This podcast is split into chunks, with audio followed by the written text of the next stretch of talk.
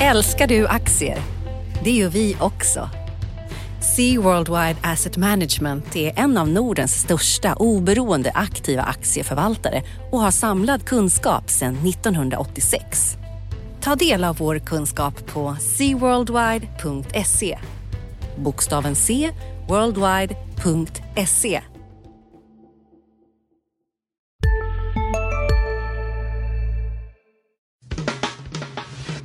Analyspodden från Dagens Industri.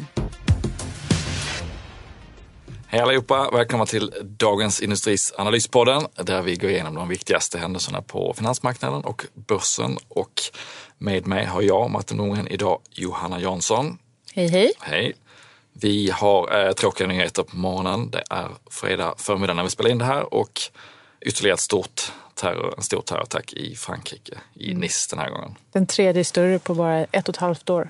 Yes, och eh, om, om man direkt ska vara cynisk och försöka dra slutsatser för börs och finansmarknaden så har det inte hänt så mycket. Nej, reaktionerna har varit måttliga och det är väl i och för sig logiskt för så har det ju sett ut de senaste. Tyvärr så har vi ju alldeles för många sådana liknande händelser att titta tillbaka på de senaste åren och då vet vi att den normalt så snabbfotade finansmarknaden brukar åt, har tidigare repat sig ganska fort efter sådana här attacker.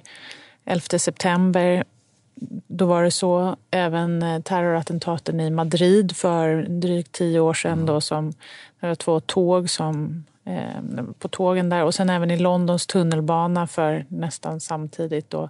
Och sen då de senaste årens mer intensifierade attacker då Paris, Bryssel och så vidare. Ja, men då börsen har varit tillbaka mm. på samma nivåer efter ungefär en månad.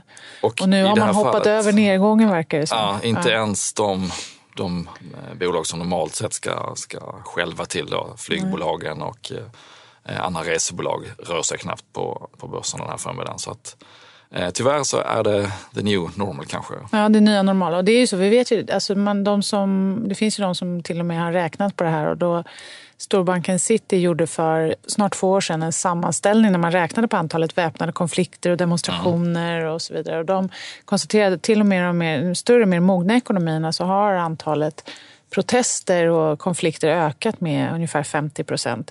Så det här är det nya normala och det är dels en ökad geopolitisk osäkerhet, militära konflikten i Syrien, men sen så har vi också det här som har präglat Europa nu med stök, brexitomröstningen. Och det är en ökad politisk osäkerhet och vi har pratat om förut här. Mm. 2016 är politikens år och det ser ut att kunna dra in även på 2017 kanske. Men även när det gäller Brexit, så trots att det egentligen borde vara någonting som hade omkullkastat förutsättningarna för Europa, så även där är börsen luttrad. Det är väldigt intressant. Det var den största dagsnedgången sedan 1907 om jag inte missminner mig dagen efter Brexit eh, när Stockholmsbörsen öppnar och två, tre veckor senare så är vi tillbaka över den nivån. Mm. Och det gäller ju även i, även i USA, USA som i och för sig inte är så påverkat. Nej, de gick inte ner lika mycket men det men här är London, på all time high och det är ja. vi ju inte här. Utan, uh... men Londonbörsen räknat i pund i alla fall, för pundet är ju fortfarande betydligt svagare än innan Brexitomröstningen. Eh, på historiskt svaga nivåer fortfarande. Så, men, men mätt i inhemsk valuta så är Londonbörsen också har ju repat sig. Mm. Och det är klart, alla exportbolag i Storbritannien eh, gynnas ju jättemycket av pundet. Mm. Och, och tvärtom man, då för... Och tvärtom. Men tar man då ett bett på att visst kommer de att hitta någon, någon avtal som gör att de kommer få fortsätta sälja utomlands mm. så är ju de exportbolagen vinnare i, i Storbritannien på det här. Det som jag tänker ändå, det är så lätt att man, jag som makroekonom då tänker så här, men långsiktigt och man tänker tillväxt och en prognos. När jag tänker prognos då pratar man om ett eller två år framåt mm. i tiden, inte nästa kvartal. Eller egentligen pratar vi prognoser för ett kvartal som vi redan har passerat när vi pratar om börsbolagsprognoser.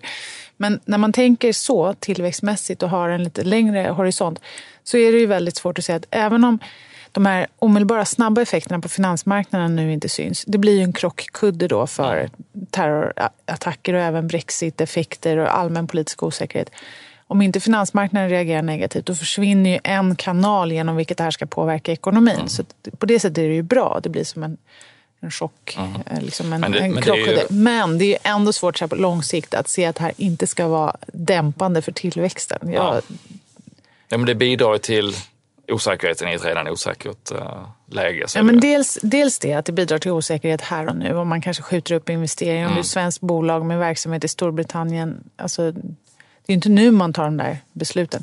Men sen så också på längre sikt, alla politiker de behöver ju hålla på med det här istället för att göra annat. Mm. Och företagen kommer behöva hålla på och fundera kring brexit-effekter istället för att göra annat. Men hur går det? För, så det är den här sega, liksom, sega återhämtningen. Det här bidrar ytterligare till att det känns Och- som en seg återhämtning. Och fler länder som kanske kommer att röra sig i riktning mot eh, populistiska Ja, eh, politiker som vill föra landet ut ur ja, men så är Så det. det Men- kommer vi ju leva med under en, Ja. en lång Men tid. ser man inte också det i, nu, nu har vi inte haft så många rapporter än så länge, men dina förväntningar inför rapportsäsongen som drar igång här ordentligt och framförallt nästa vecka. Ja, det har ju kommit en del den här veckan, men precis som du säger så är det nästa vecka som är den stora explosionen. Och ska man liksom ta hela börsen över en kam så är det ju två sektorer man måste hålla koll på. Det är bankerna och det är verkstad, för de står för eh, drygt 50 procent av, av börsvärdet. Och vad vi har fått hittills är ju två storbanker, då, det är SEB och eh, Handelsbanken som kom nu på fredag morgon. Båda de var lite bättre än väntat och aktierna steg, så det är ju eh, superviktigt om, om börsen ska hållas under armarna. Vid lunch idag kommer vi få Atlas Copco som kommer visa vägen då för verkstaden lite grann. På måndag Sandvik och sen så fortsätter det då. Så att det blir väldigt viktigt hur, hur verkstad och, bank faller ut. Men det är ändå så här, de är bättre än väntade, men om man tittar på dem liksom sekventiellt, eller bara jämfört Mm. med förra året, så är det ju fortfarande den här motiga Precis, det finns ju det är ju ingen vinsttillväxt i någon av de här sektorerna egentligen.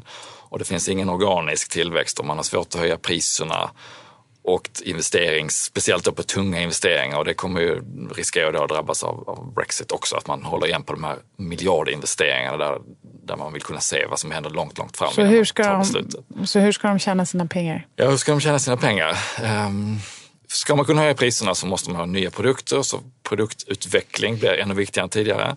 Eftermarknaden blir ännu viktigare än tidigare för den håller emot. Tjänstesidan liksom. Tjänstesidan, Mm. precis. Service, att man tecknar serviceavtal och inte bara säljer eh, ny utrustning då, och reservdelar. Och i just Atlas fall så är det det som verkligen står i fokus den här gången för att eh, de har varit experter på att ha en bra eftermarknad, höglönsam eftermarknad. Och i förra kvartalet så, så backade den lite och eh, det är tillfälligt, hoppades vdn Ronny Leten, men han, han vågar liksom inte säga att eh, att, att det är så, utan det är upp till bevis nu för att säga att, att det faktiskt var tillfälligt. Så att det blir jätteviktigt i, i både deras och andras rapporter att eftermarknaden håller emot. Just det, och tittar man på regionerna, för Europa har ju varit ett ljus i mörkret, men de, det känns inte riktigt lika uppenbart att Europa ska vara, vara det man ska hålla sig i framöver. Nej, Europa, precis som du säger, var ju bra förra kvartalet. USA svajigt beroende på vilken sektor. Kinas lite svajigt, Indien bra. om Man Idag, fredag, då, fick vi positiva siffror från Kina. De har ju liksom försökt Mm. stimulera ekonomin, så det är lite bättre siffror. Det är svaj, alltså osäkert, men det är ändå... Ja, lite, lite ljusning kanske. Bättre BNP-siffror, bättre industriproduktion, bättre Mm. detaljhandel och En BNP-tillväxt på eh, Hallex som vi ska under 7%, prata ja. mer om eh, har kommit med rapport på morgonen också. Eh, underleverantör till fordonsindustrin Mm. och de såg lite mer positivt på Kina än vad de gjorde under första kvartalet. Eh, så att lite, lite ljusglimtar från Kina kanske man Och ska även räkna med. Nordamerika kanske. Vad kan man, vågar man tro om det? är Det värsta är över inom olja och gas? Det värsta Eller? kanske är över, men samtidigt har man då lastbilskonjunkturen där som är väldigt svag till skillnad mot Europa, där det går ner kraftigt och, och Hallex levererar då till, till lastbilar och släpvagnar. Så att, eh, USA är väldigt beroende på vilken sektor man är, finns i. Fortfarande. Ja.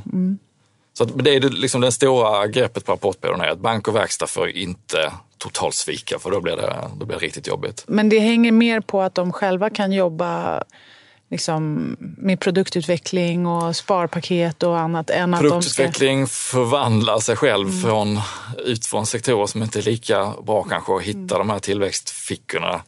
eh, Ska vi räkna med stora sparpaket? Är det sånt som ska komma eller är det mer att de får... Nej, jag tror inte det, inte i den här rapportperioden. Nej. Eh, utan det kommer vara trög tillväxt, det kommer vara mycket mindre valutahjälp än tidigare. Ja, men inte den här rapportperioden då, men liksom, är det det vi ska tro på? Om det inte blir bättre än så här, är det sparpaket som gäller för... Ja, men det är klart fram. att, att om inte intäkterna ökar så, så måste man titta en varv till på kostnaderna. Det- Men det har man ju gjort ganska länge. Så att, eh, det är De är inte slimmade givet. redan. Ja, de är ganska slimmade. Jag skulle mer säga att man kommer titta på vilka delar ska man överhuvudtaget ha kvar snarare än att man ska Ja, hyvla av på det. Ja. Precis, man tittar, är det här affärsområdet, eller de här delarna i det här affärsområdet någonting som vi kommer att kunna eh, kommer att kunna se bra ut även i en värld av låg tillväxt. Men ser vi inte det sånt redan lite i vissa bolag att de försöker ändå... Absolut, Sandvik är ju typexempel då, men det handlar ju också om en ny ledning som ska göra om bolaget och göra det mer likt Atlas. Där är det ju en del eh, enheter som är på säljlistan. Mining Systems till exempel, skulle de ha sålt innan halvårsskiftet, har inte skett. Det blir intressant att höra om det är en Brexit-effekt Att man inte vill, ja, man att vill köparna är försiktiga. Mm. Trelleborg har då köpt ett tjeckiskt bolag med traktor och industridäck och säljer sin eh, Vibracoustic som är mer personbilsberoende. Så att mm. många bolag gör om sig mm. eh, så gott de kan och, och, mm. och jobbar med... Finns det någon annan som borde göra sig av med dead weight, dödvikt? I, I SKFs fall till exempel så var det väldigt på tapeten för ett år sedan drygt att de skulle eh, minska sin automotive-delen, kanske till och med sälja den helt och, och det gick aktiemarknaden igång på. Men, men de har behållit den och det var den delen som överraskade positivt förra gången. Så, att, så att just nu är inte den frågan på tapeten där i alla fall. Mm. Men om man tittar på hela börsen och, och tänker att ja, visst, det blir ytterligare ett kvartal med dålig tillväxt. Eh, vad är det som ska få det att gå? Ja, men då är man tillbaka igen på det här med centralbanksstimulansen. Att, att räntorna trycks ner och kommer vara lägre längre än vad man tror tidigare efter, på grund av eh, Brexit som senaste. Ja. Och... Fast jag vet inte, det är så...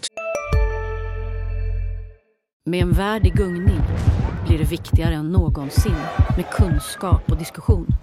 Att värna det fria ordet, för livet och demokratin. Så när du trodde att du visste allt, har vi alltid lite till. Privata affärer plus allt. All journalistik du behöver, samlad. Prova en månad gratis Just nu pågår vår stora season sale med fantastiska priser på möbler och inredning. Passa på att fynda till hemmets alla rum, inne som ute, senast den 6 maj. Gör dig redo för sommar.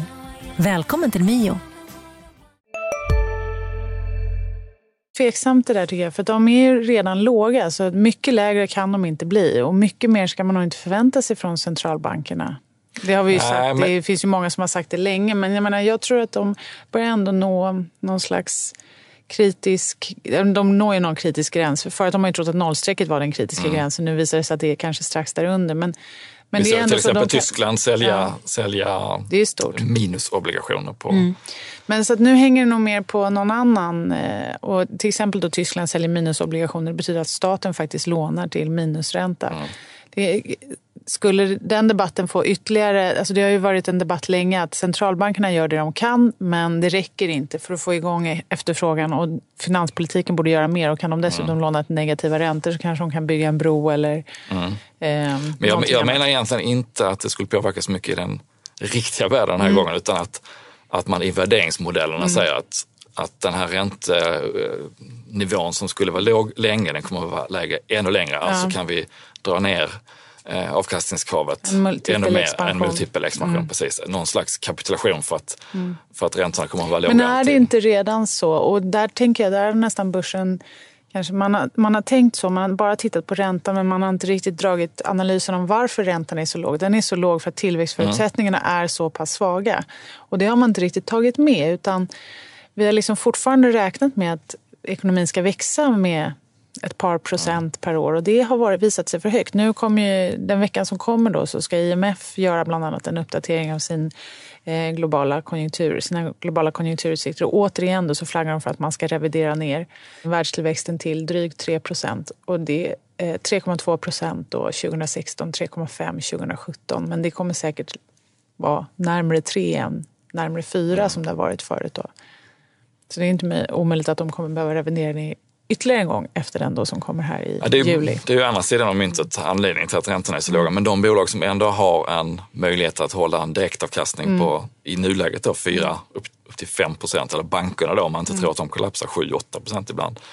Där är det klart att om man om man vill så skulle man kunna dra upp värderingen mycket, mycket mer. Mm. Men det är ju inte, är det är inte därför då? man vill, nej det är inte rätt, det är inte därför man vill äh, äga aktier, det är för att mm. vinsterna ska följa med upp.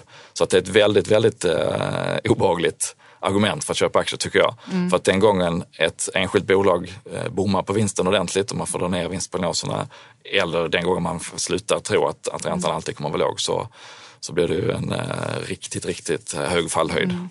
Ja, det blir mer, ja precis, man bygger upp luftslott. Ja, för då ska liksom. både värderingen ner och vinsten Mm. ner i de bolag som, som bommar och då eh, så är det swish. Nej, men precis. Så det är, men det är segt och motigt och det hänger på vad företagen själva kan göra egentligen om man Ja. ska köpa fina bolag. Alltså. Och gissningsvis så kommer vi inte veta faktiskt så himla mycket mer om en eller två veckor än vad vi gjorde innan. Utan det kommer vara ett skapligt trögt kvartal där de bolag som på egen hand kan skapa tillväxt eh, kommer att belönas bra eftersom ränteläget är så Mm. Har du lågt. några favoriter där då?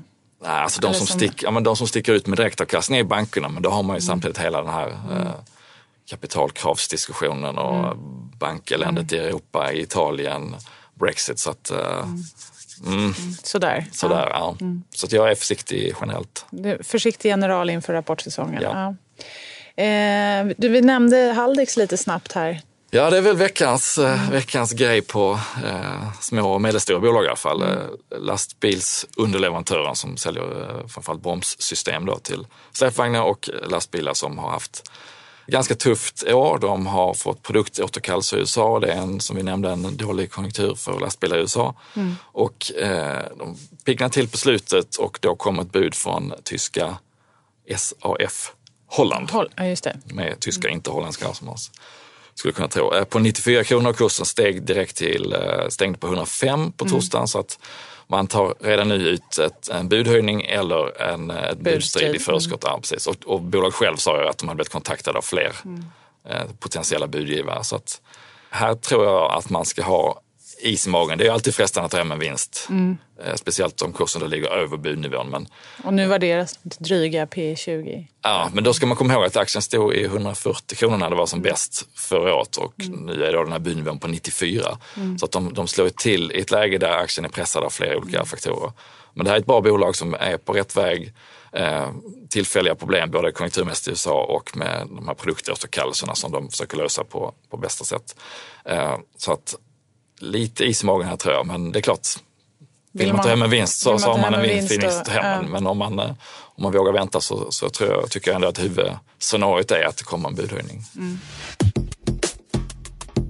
Spännande. Och sen har vi haft lite, vi har ju andra rapporter idag. I, här på, idag på fredagen då så rapporterar bland annat JM och Castellum. Det finns andra. Vi hade fastighetsseminarium på Dagens Industri i Båstad här i veckan. Samtidigt så får man då rapporter och statistik som säger att bostadspriserna viker på den viktiga Stockholmsmarknaden i alla fall framför allt. Och med Viker ska man ju då komma ihåg att det handlar om 1-2 procent efter en Absolut. Det är uppgång på sommar. 15-20 år. Ja, verkligen. Och det är sommarmånader och det, stökar till och det är amorteringskrav och det är Brexit. Så att eh, den här lilla, lilla kroken neråt Mm. ska man ju hålla koll på men man kanske inte ska få panik eh, ännu. Men visst, JM faller på börsen efter sin rapport. Mm. Eh, har bara fluktat snabbt men det ser ut som att Stockholmsmarginalerna var bättre än väntat vilket är, viktigt för att de drar in mycket av pengarna. Eh, men jag tror det kommer ta tid innan man ser om det här verkligen är tillfälligt eller inte, det, det vi ser nu i, i maj och juni på bostadspriserna. För att det är klart, går det ner så kommer det att drabba eh, JM och Beskab och Men hur ska man se, om det, det behöver inte betyda fastighetskrasch, hur ska man se på dem om, de inte fortsätter, om bostadspriserna inte fortsätter upp? Förstår du vad jag menar? Alltså, jag Ja. tänker att det, för det är också ett scenario, att man inte ska räkna med de här 15-procentiga prishöjningarna framöver. Därför nu, man fortsätter ju ändå att försöka göra vad man kan, både från myndighetshåll i att hålla det, tillbaka det bostadspriserna. blir väl en dubbel, dubbel effekt när man tittar på aktien. Dels är det ju hur, hur det faktiskt går på marknaden då, men sen är det också att, att man, eh, de här, man har sett i tidigare nedgångar hur JM till exempel då fullständigt kollapsade under finanskrisen. Då skjuter man lite först och frågar sen. Och, och, Det kanske inte behöver bli fullt så det allvarligt. behöver inte bli så allvarligt när man, om man några år framåt tittar bakåt, men, men om det fortsätter ner på prisutvecklingen så kommer man att, att dra sig tillbaka från den här typen av aktier ganska snabbt. tror jag. Man ska hålla ett litet öga på, på, på aktien om man är... Absolut, men och samtidigt så har vi då liksom bostadsbrist och det finns ju en jätteefterfrågan. Ja, verkligen. på, För det, precis. Så att eh, det är många, Men det rör sig på många delar av bostadsmarknaden just nu. Det kan vara svårt att hålla koll på. ja det gör det, och kommersiella fastigheter de, de är ju Och när jag menar rör sig, att man liksom håller på med regelförändringar och det pratas eh, reavinstskatter samtidigt som man ska införa amorteringskrav och så Ja. vidare. Och så där. Så Samtidigt som de är Den underliggande kommersiellt är de ju i en sweet spot i Sverige då, men en förhållandevis bra konjunktur i Sverige jämfört med andra länder. Räntor som går ner och varje gång de lägger om lånen så sänker de räntekostnaderna samtidigt som de då kan ha full uthyrning eller, eller bra uthyrning på sina fastigheter. Så att eh, de eh, gnuggar händerna ner i börsen. Precis. Och exakt, och det är förklaringen till att de har gått som tåget på börsen Ja. också. Mm. Men det kanske inte, det ska, det, vi ska inte räkna med fortsatt tjurrusning. Eller? Tolkar jag det rätt då? Ja, det- de värderas ju till premie då, de flesta Mm. eh, på substansen på sina fastigheter. Och, eh, då, då ligger det redan inbakat att, att värdena ska upp och att det ska vara fortsatt eh, bra marknad. Och med de här räntorna kommer det säkert vara det, men eh, Det, det är sunt förnuft när det gäller... För jag tänker det här påminner lite om det vi började, när vi började prata om låga räntor och börsen som sticker iväg och luftslott och sådär. Om man tittar på saker och ting med sunt förnuft och tittar på värderingen så kanske man kan klara sig ganska bra. ja, det är alltid lätt att säga att vad man skulle köpt, men, eh, Mm. men det är ju inte när solen står som allra högst som man kanske ska lägga in det mesta kapitalet. Nej. Även om det är svårt att säga vad som faktiskt skulle Det är en skakig omvärld. Sverige står hyfsat stabilt men det är liksom... Men börs, det, det har hänt mycket. Börsen har gått bra liksom, Ja. ändå. Även om vi har haft en nedgång här sista... Och det kan ju alltid komma oväntade saker. Börsen har ju en tendens att gå sakta uppåt och snabbt neråt när det väl kommer något oväntat. Så att, eh, det finns en anledning till att det heter riskkapital. Efter den här rapportveckan som stundar nu, då får du semester. Då, Mm. då stänger du dina böcker. Ja, då stänger jag mina böcker. Sen kommer jag tillbaka. Lägger upp fötterna i hängmattan. Ja, men det är bra. Hoppas att eh, ni som lyssnar också får lägga upp fötterna i hängmattan här. Mm. Men nästa vecka då, förutom rapporter, Ja, precis. Och IMF. så är det Ja. ECB, eller hur? Ja, och räntebesked från ECB. Och jag tänker det är de här sakerna som vi pratar om som kommer stå i fokus. Mm. Man vill veta hur tänker man kring Brexit? Vad blir effekterna, de ekonomiska effekterna av terror och skakig omvärld? Vad kan de göra? De har gjort väldigt mycket för att hålla finansmarknaden under, armen och, under Mm. armarna. Ehm, Så det är det man kommer titta på. De kommer på torsdag. Fler valutakrig Ja, alltså, jag tänker att det, det, som, det är verkligen så politikens år. Alltså, det är mycket politik som påverkar valutorna också. Det ser man inte minst på brexitomröstningen som sänkte pundet till historiskt låga nivåer. Pundet ligger nu på el, drygt 11 mot kronan till exempel och eh, på 1,35 mot dollarn. Så det är historiskt lågt. Så jag tänker att det, mer, det kommer mer, bli mer politik. Centralbankerna finns fortfarande där men det kommer bli mer poli- ännu mer politik framöver. Sen, det som också är intressant då för bolagsrapporterna framöver nästa vecka får vi såna preliminära inköpschefsindex som visar lite hur känslan är i olika regioner. Som vi sa då. Det är lite delat i Nordamerika, stabilare i Asien nu än vad det var förut men sen så lite osäkerhet i, i Europa. Så det blir intressant att se om den bilden står sig då. Bra. Det må tuta och köra. Eller lägga upp fötterna i hängmattan. Eller lägga upp fötterna. Ja. Tack för den här veckan. Tack, tack. Ha det bra. Hej. Analyspodden från Dagens Industri. Podden redigerades av Umami Produktion. Ansvarig utgivare Lotta Edling.